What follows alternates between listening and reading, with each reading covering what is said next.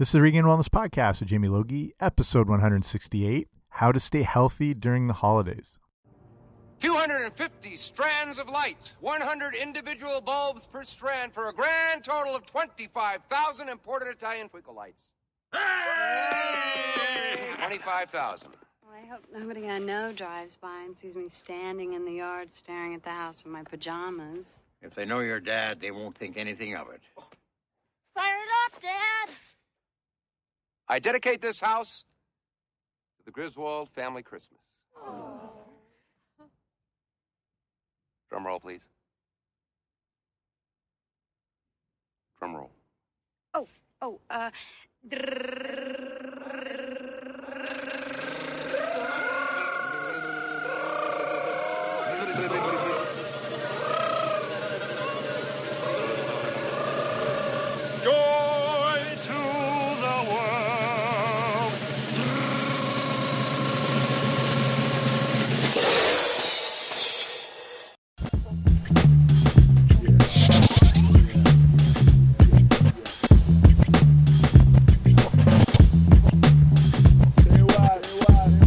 guys, what's happening? Welcome back to the podcast. I'm Jamie Logie, I run regainedwellness.com, and this is the Regained Wellness Podcast, and obviously a holiday spectacular episode with Clark W. Griswold Jr. kicking it off.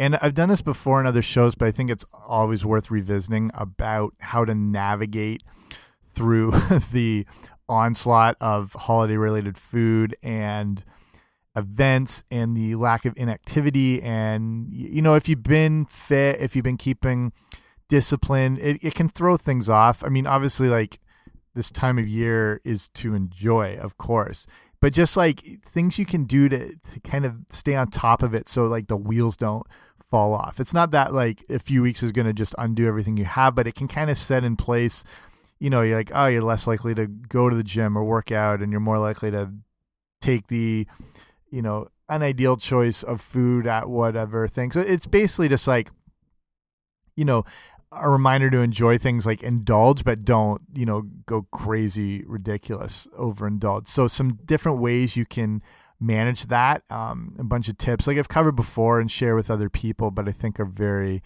uh, helpful to um, wade through this crazy time of year. Okay let's get into it so I'd say this is just about being more proactive and kind of, you know, a few tools you can have at your disposal to make sure you're enjoying yourself, but not letting it, you know, not have you consume your weight in Toblerone or gingerbread at any given time. And there's a few things. The first one is starting out about working out before eating. And some some people have the idea like you know after a big meal you want to go walk it off unquote you know take a turkey trottle or whatever. Um, that's probably i mean it's good to be active compared like if you eat a giant meal you're probably in this state where there's so much like glucose and sugars and things in your body that are and then that are diverted to digestion to leave you drowsy and whatever. Yeah and it's good to like wake you up and get going but the fact to think you're going to burn off potentially like 1500 calories with a slow pace walk probably isn't going to help. Moving is always good though, but you're just probably not expending that much energy. If you're looking at um, which way to go here as far as helping your body manage the amount of calories it might be taking in, working out beforehand is going to be the best way to do it. So you, when you work out in general, especially if it's more high intensity based, strength training, um, intervals like circuits, high intensity intervals on, you know, like a stationary bike or like a rowing machine or whatever, something where you put yourself into that um, position, it's going to really give you a leg up on how your body is going to handle the food that comes in after.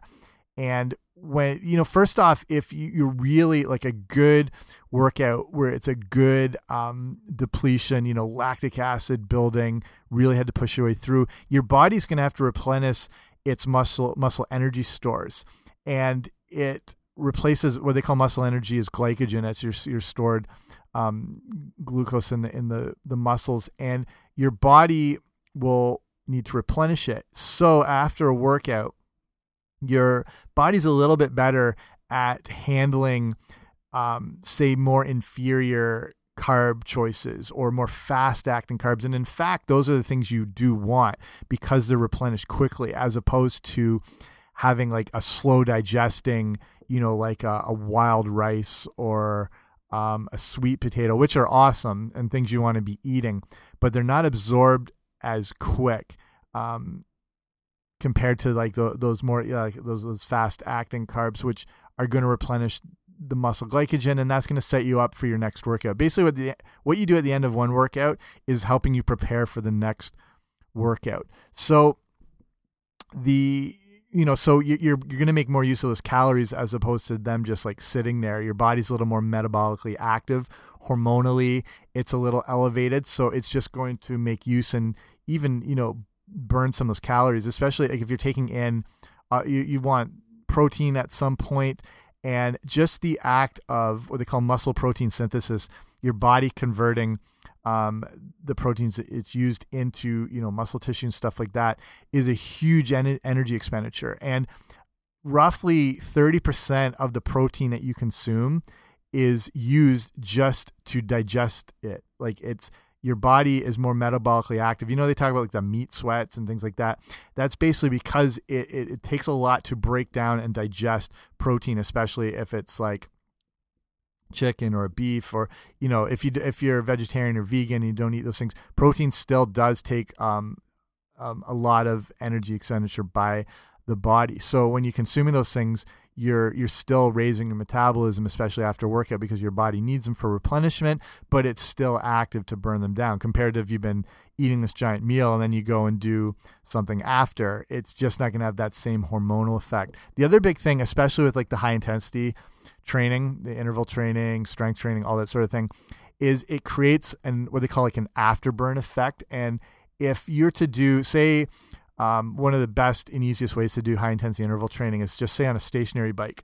Start with like a five minute warm up, and then you're going to crank up, say the dial for the intensity for the tension on it. Say it's like goes to one to ten. You're gonna want to crank that thing to like a seven or eight and really push it for 30 to 45 seconds. If you can go longer than that, you're really not going all out because your body, maybe even like 20 to 30 seconds is considered actual high intensity in the body. Like it, you should be done after that point. Again, be careful that you're able to exercise in this way. If that if you haven't you know consulted or discussed with a physician or doctor, it's something you just want to make sure that you're definitely healthy enough for exercise. But this form of high intensity interval training it's going to be, say, that roughly 30 second period. And then you're going to follow it by like a 90 to 20 second recovery slower pace. So you can turn the dial way back down and just sort of like ride that out for the couple minutes. And you know what? It doesn't have to be, this is some of the information I've learned lately. A lot of like high intensity interval training programs are set and locked in at like, bam, 30 seconds, 90 second recovery, or, you know, a minute to 90 second recovery, boom right back into it. This doesn't actually have to be the case. If you're not feeling like you've got your breath back and fully recovered, take the time you need. It might be two minutes, it might be two and a half minutes, but you're you're going to still be creating this really good response in the body. And when you do this type of high intensity interval training, you create those better hormonal changes. Your body is able to hang, handle sugars better. You get more natural like growth hormone release. Um, better, you know, just straight up like body fat burning, lean muscle gain, um, cognitive functions. There's a whole thing to do with that as far as high intensity interval training. But when it comes to like this calorie thing, you're creating this afterburn effect, and it technically technically called excess post exercise oxygen consumption or EPOC.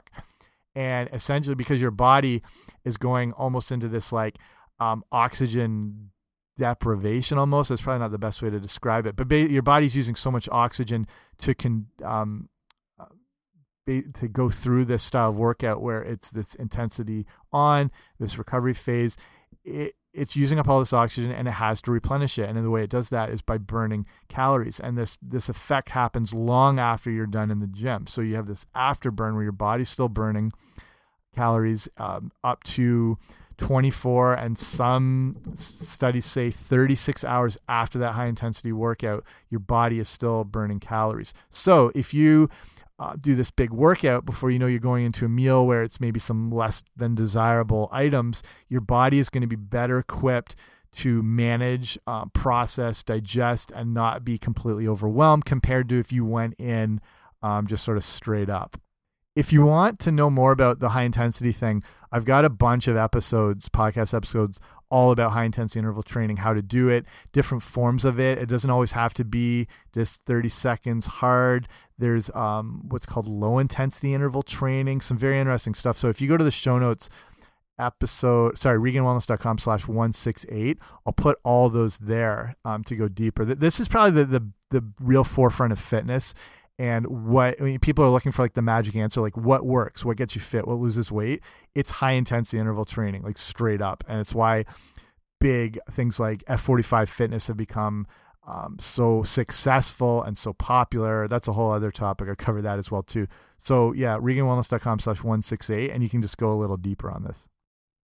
Okay, next tip here um, is to eat before you go to events or parties. And that might seem pretty obvious, but this is going to help you in avoiding diving headfirst into the, the snack table.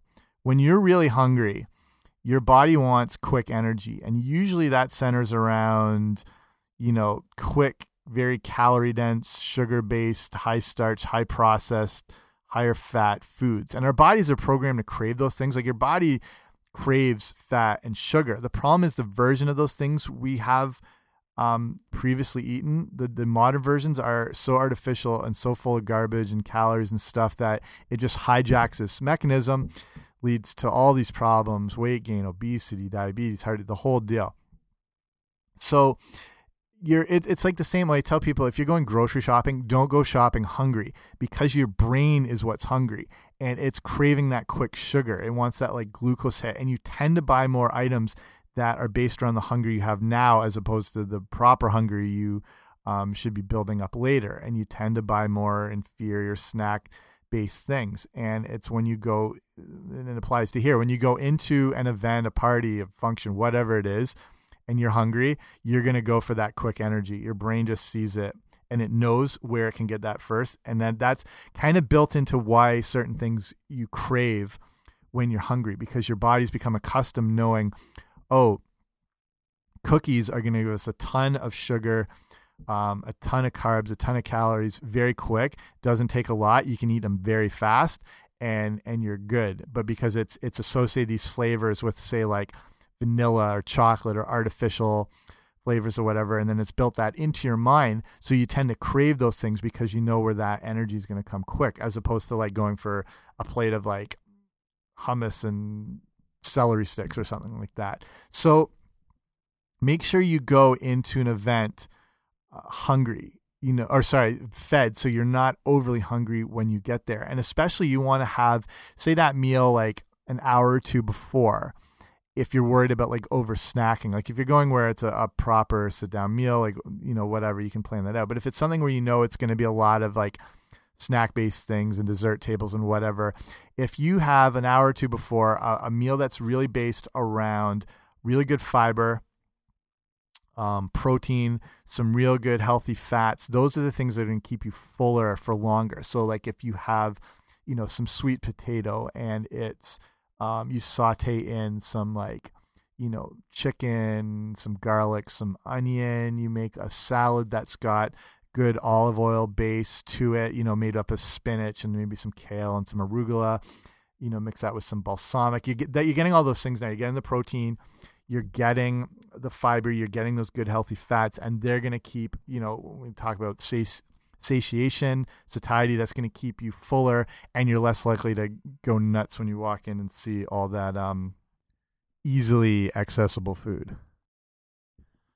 Okay, moving right along. When you do start eating, if you're at any of these um, events, it, it's like it's not always going to be possible, and I don't think you should avoid all those snacks and, and treats. Like you know, it's that it's that fine line of allowing yourself these things and enjoying yourself, but staying disciplined if your health and wellness is important to you. But I, I, also think it is important to let yourself indulge because if you prevent yourself, that's you know now we're getting away from real health and wellness because now you're stressing yourselves yourselves out over what you can have and what you can't have and that becomes its own problem so it's you know allowing yourself to have these things but just kind of setting the stage to make it um, as easy as possible so the thing in um, this situation is you know it's not possible nor should you avoid all those snacks and treats but do yourself a favor and before you eat those things have again some like protein or vegetables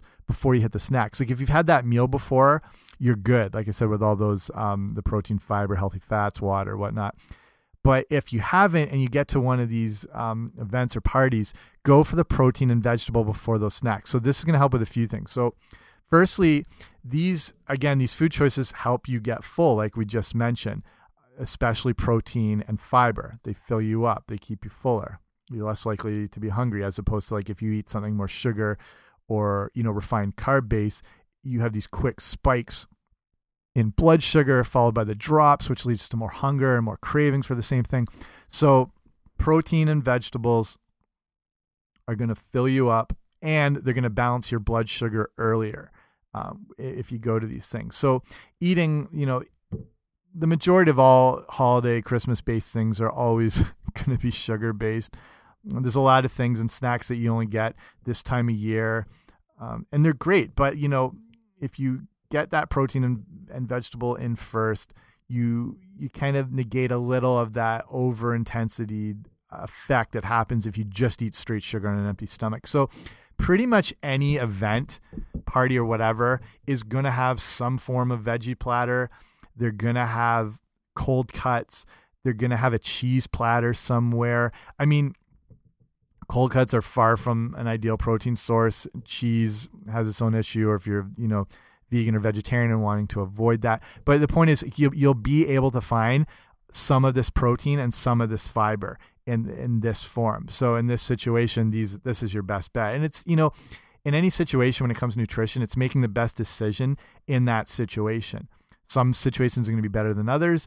Um, some are going to be more inferior. But if you can make the best in that situation, it really sets you up better for success. And it really helps you in the long run because you're more aware and you're more conscious and you know what your body needs. And you know, like myself, if I go anywhere and uh, say say you have to buy meals or snacks on the run, and there's not a lot of options. You know, I'm I'm I'm less likely to go for like obviously like chocolate bars and chips and stuff like that. But if it's really limited items, I know always at least if I can find some form of like peanuts or almonds or cashews. I can eat that first, keep the blood sugar a little more under control because of that protein and fiber, and then have something that might be a little less, you know, inferior than I would normally choose, but my body's in hopefully a little bit better state compared to if I just went in and ate that like um you know, whatever snack based high calorie thing. That that's my go to whenever I travel or whenever whenever I'm anywhere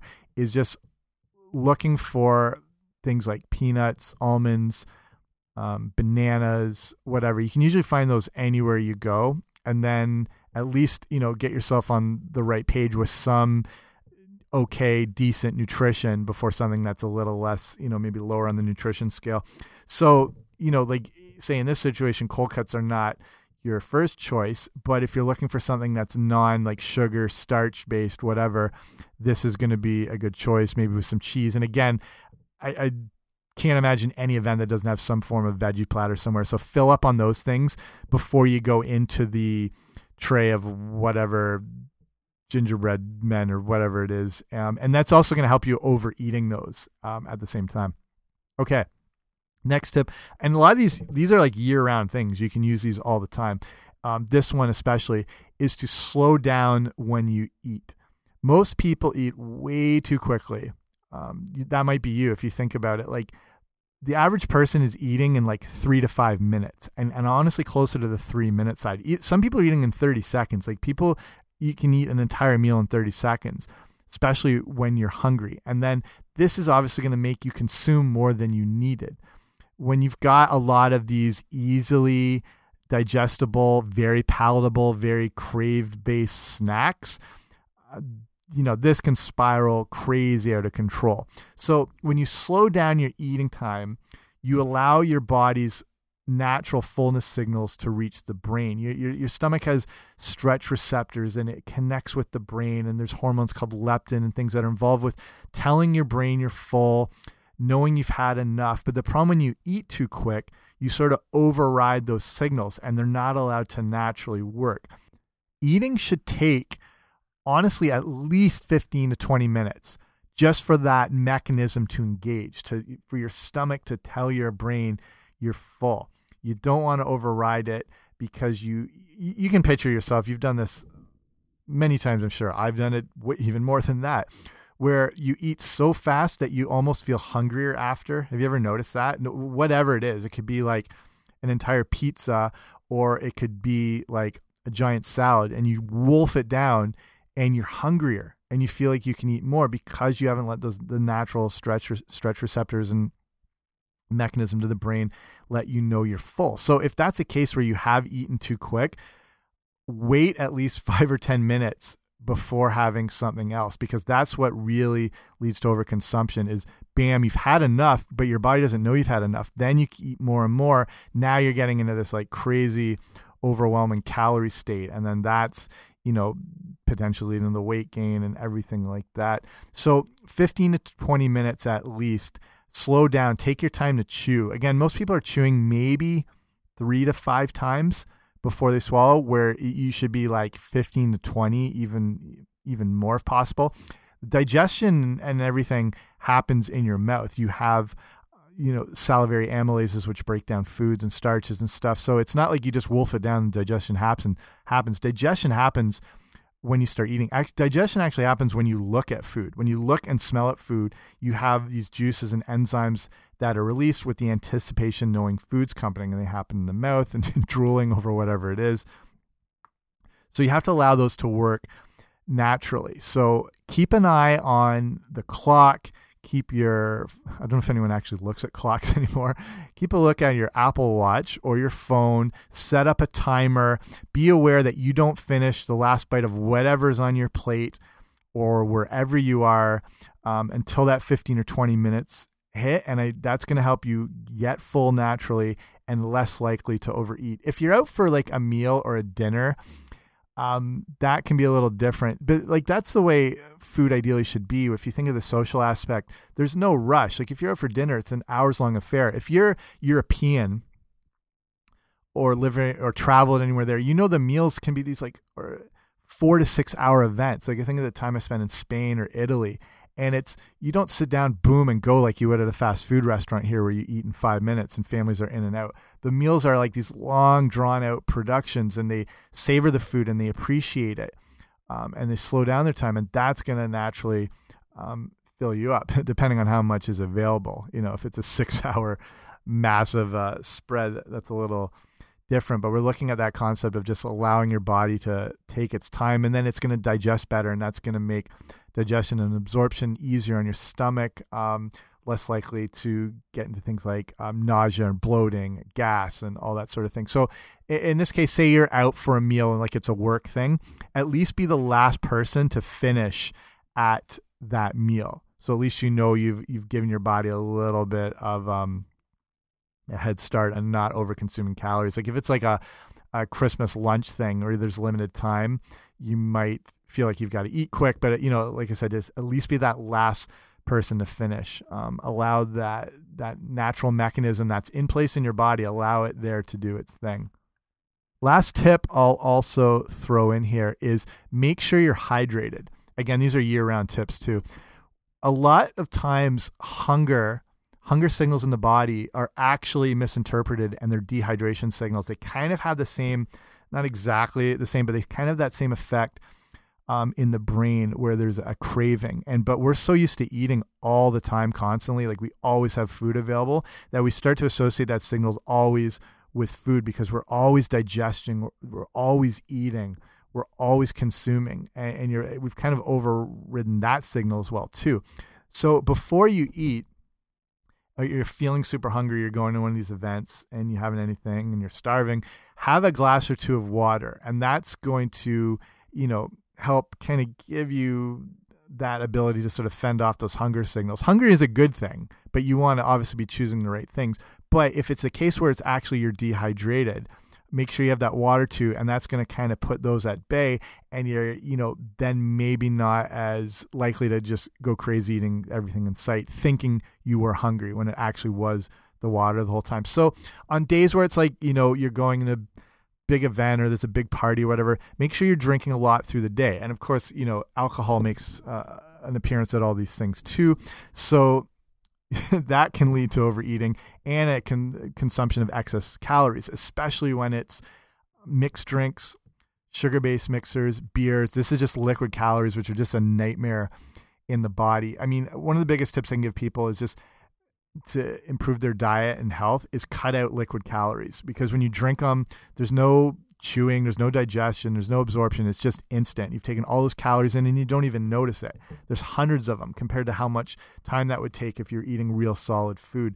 So when you combine alcohol and sugar, and it's just a mess for blood sugar, um, body. Uh, body cravings, um, things your brain wants more of that sugar. I'd say your best bet, your lowest calorie alcohol choices are going to be like gin, um, vodka's not bad. Tequila's actually all right. And mix them like something like a gin and just like a soda water is not bad. Throw some lime and lemon in there. You get a little bit of cleansing, a little bit of detox from it. Um, you're gonna, you know, when you get into the mixed drinks and whatever, it's just it's such an abundance of sugar that's gonna make you crave more of that drink and more of that sugar, and then maybe more foods after then you tend to hit the drive through at two in the morning and it just spirals from there. I would say, you know, if you're going to mix something, like if you want something sweeter, at least go for like a like a pineapple juice or a grapefruit juice or a real cranberry juice, something that's at least got some vitamins and minerals to it. But if you're looking to cut down on calories, go with the gin and the vodka and the the soda water and just and just keep it straight like that. It's going to be uh, a lower calorie hit to the body and no sugar in that case. And again, making sure you're hydrated through the day is going to make that a little easier on your body too, uh, if you're getting into alcohol later on. So go with the, the rule of thumb is basically drink half your weight in ounces of water each day. That's going to make sure you're on the right path for how much you need. Um, and then as far as just like overall body health, it's, you know, water is so important for everything like digestion, absorption, circulation of nutrients um, cleansing, eliminating toxins, and then just even like you know mental focus and cognition and memory, um, and things like that. Your body, your body just needs water. And most people are walking around dehydrated most of the time. So if you take away anything from this, half your weight in ounces of water each day, and you'll probably be good. Okay, so I'll wrap it up here. And like I said, I don't think depriving yourself is an ideal thing at the holidays. Not at all. It's just, you know, if if your health and fitness and wellness are important to you, you want to stay on top of it and you want to like keep up the good work you've been doing over the whole year. So, I'd say again another takeaway from this thing is indulge but don't overindulge. Allow yourself to enjoy those things that, you know, come around just time of the year. Um, and remember a few days it's not going to destroy everything. The secret is if you um, have these like crazy weekends of over excess in food, you're gonna feel bloated. You're gonna feel like you know you gain some weight. Um, you, you're not. You're gonna feel sluggish.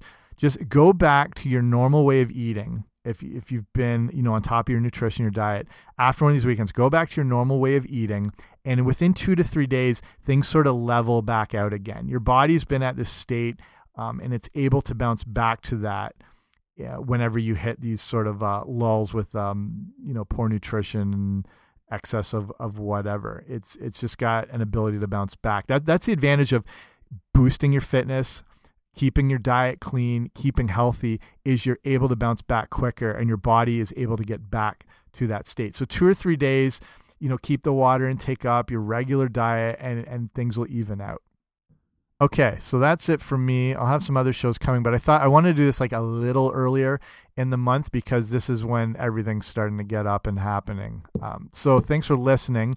If you haven't already, make sure you sign up for the email newsletter because you get a free ebook when you do that, and it's called the Healthy Eating Starter Kit. So it's got it's a good little guide on you know foods you want to be including and why things you want to avoid and why. It's got some recipes, yeah, everything there And you can get that by going to regainedwellness.com slash guide. Just sign up and you're ready to go. And like I said, the show notes for today, regainedwellness.com slash 168. You can all this all in one shop. It's like one stop shopping here. And that, the regainedwellness.com slash 168, that'll have those other episodes linked up if you want to learn more about like high intensity training and um, low intensity training and how your body reacts and responds and stress levels and all that sort of thing. Very good episodes. Okay. And if you haven't already, make sure you subscribe to the show wherever you get podcasts. I should be there.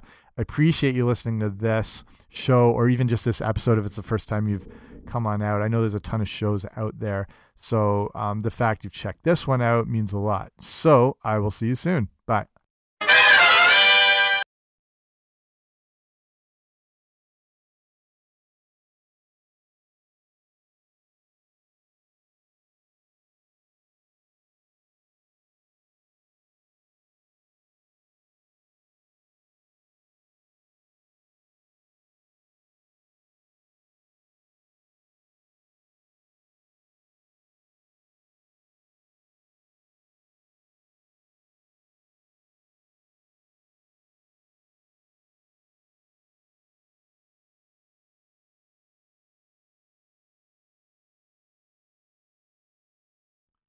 So that's probably a good place to end it there.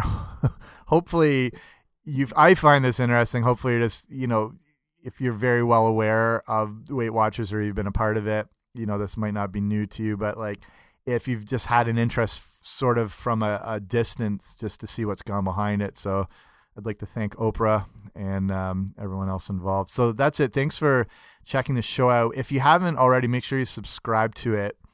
We're probably on Apple Podcasts, but basically wherever you find podcasts, this show should be there. So make sure you sign up to get it, and then check out the show notes for uh, checking, you know, the different episodes I mentioned. So regainedwellness.com slash 166. While you're there, sign up for the email newsletter because you get a free ebook when you sign up for that. And it's a quick breakdown on, you know, foods you want to be avoiding, foods you want to be including. It's got some recipes, whatever. So that, if you're at the website, is regainedwellness.com slash guide.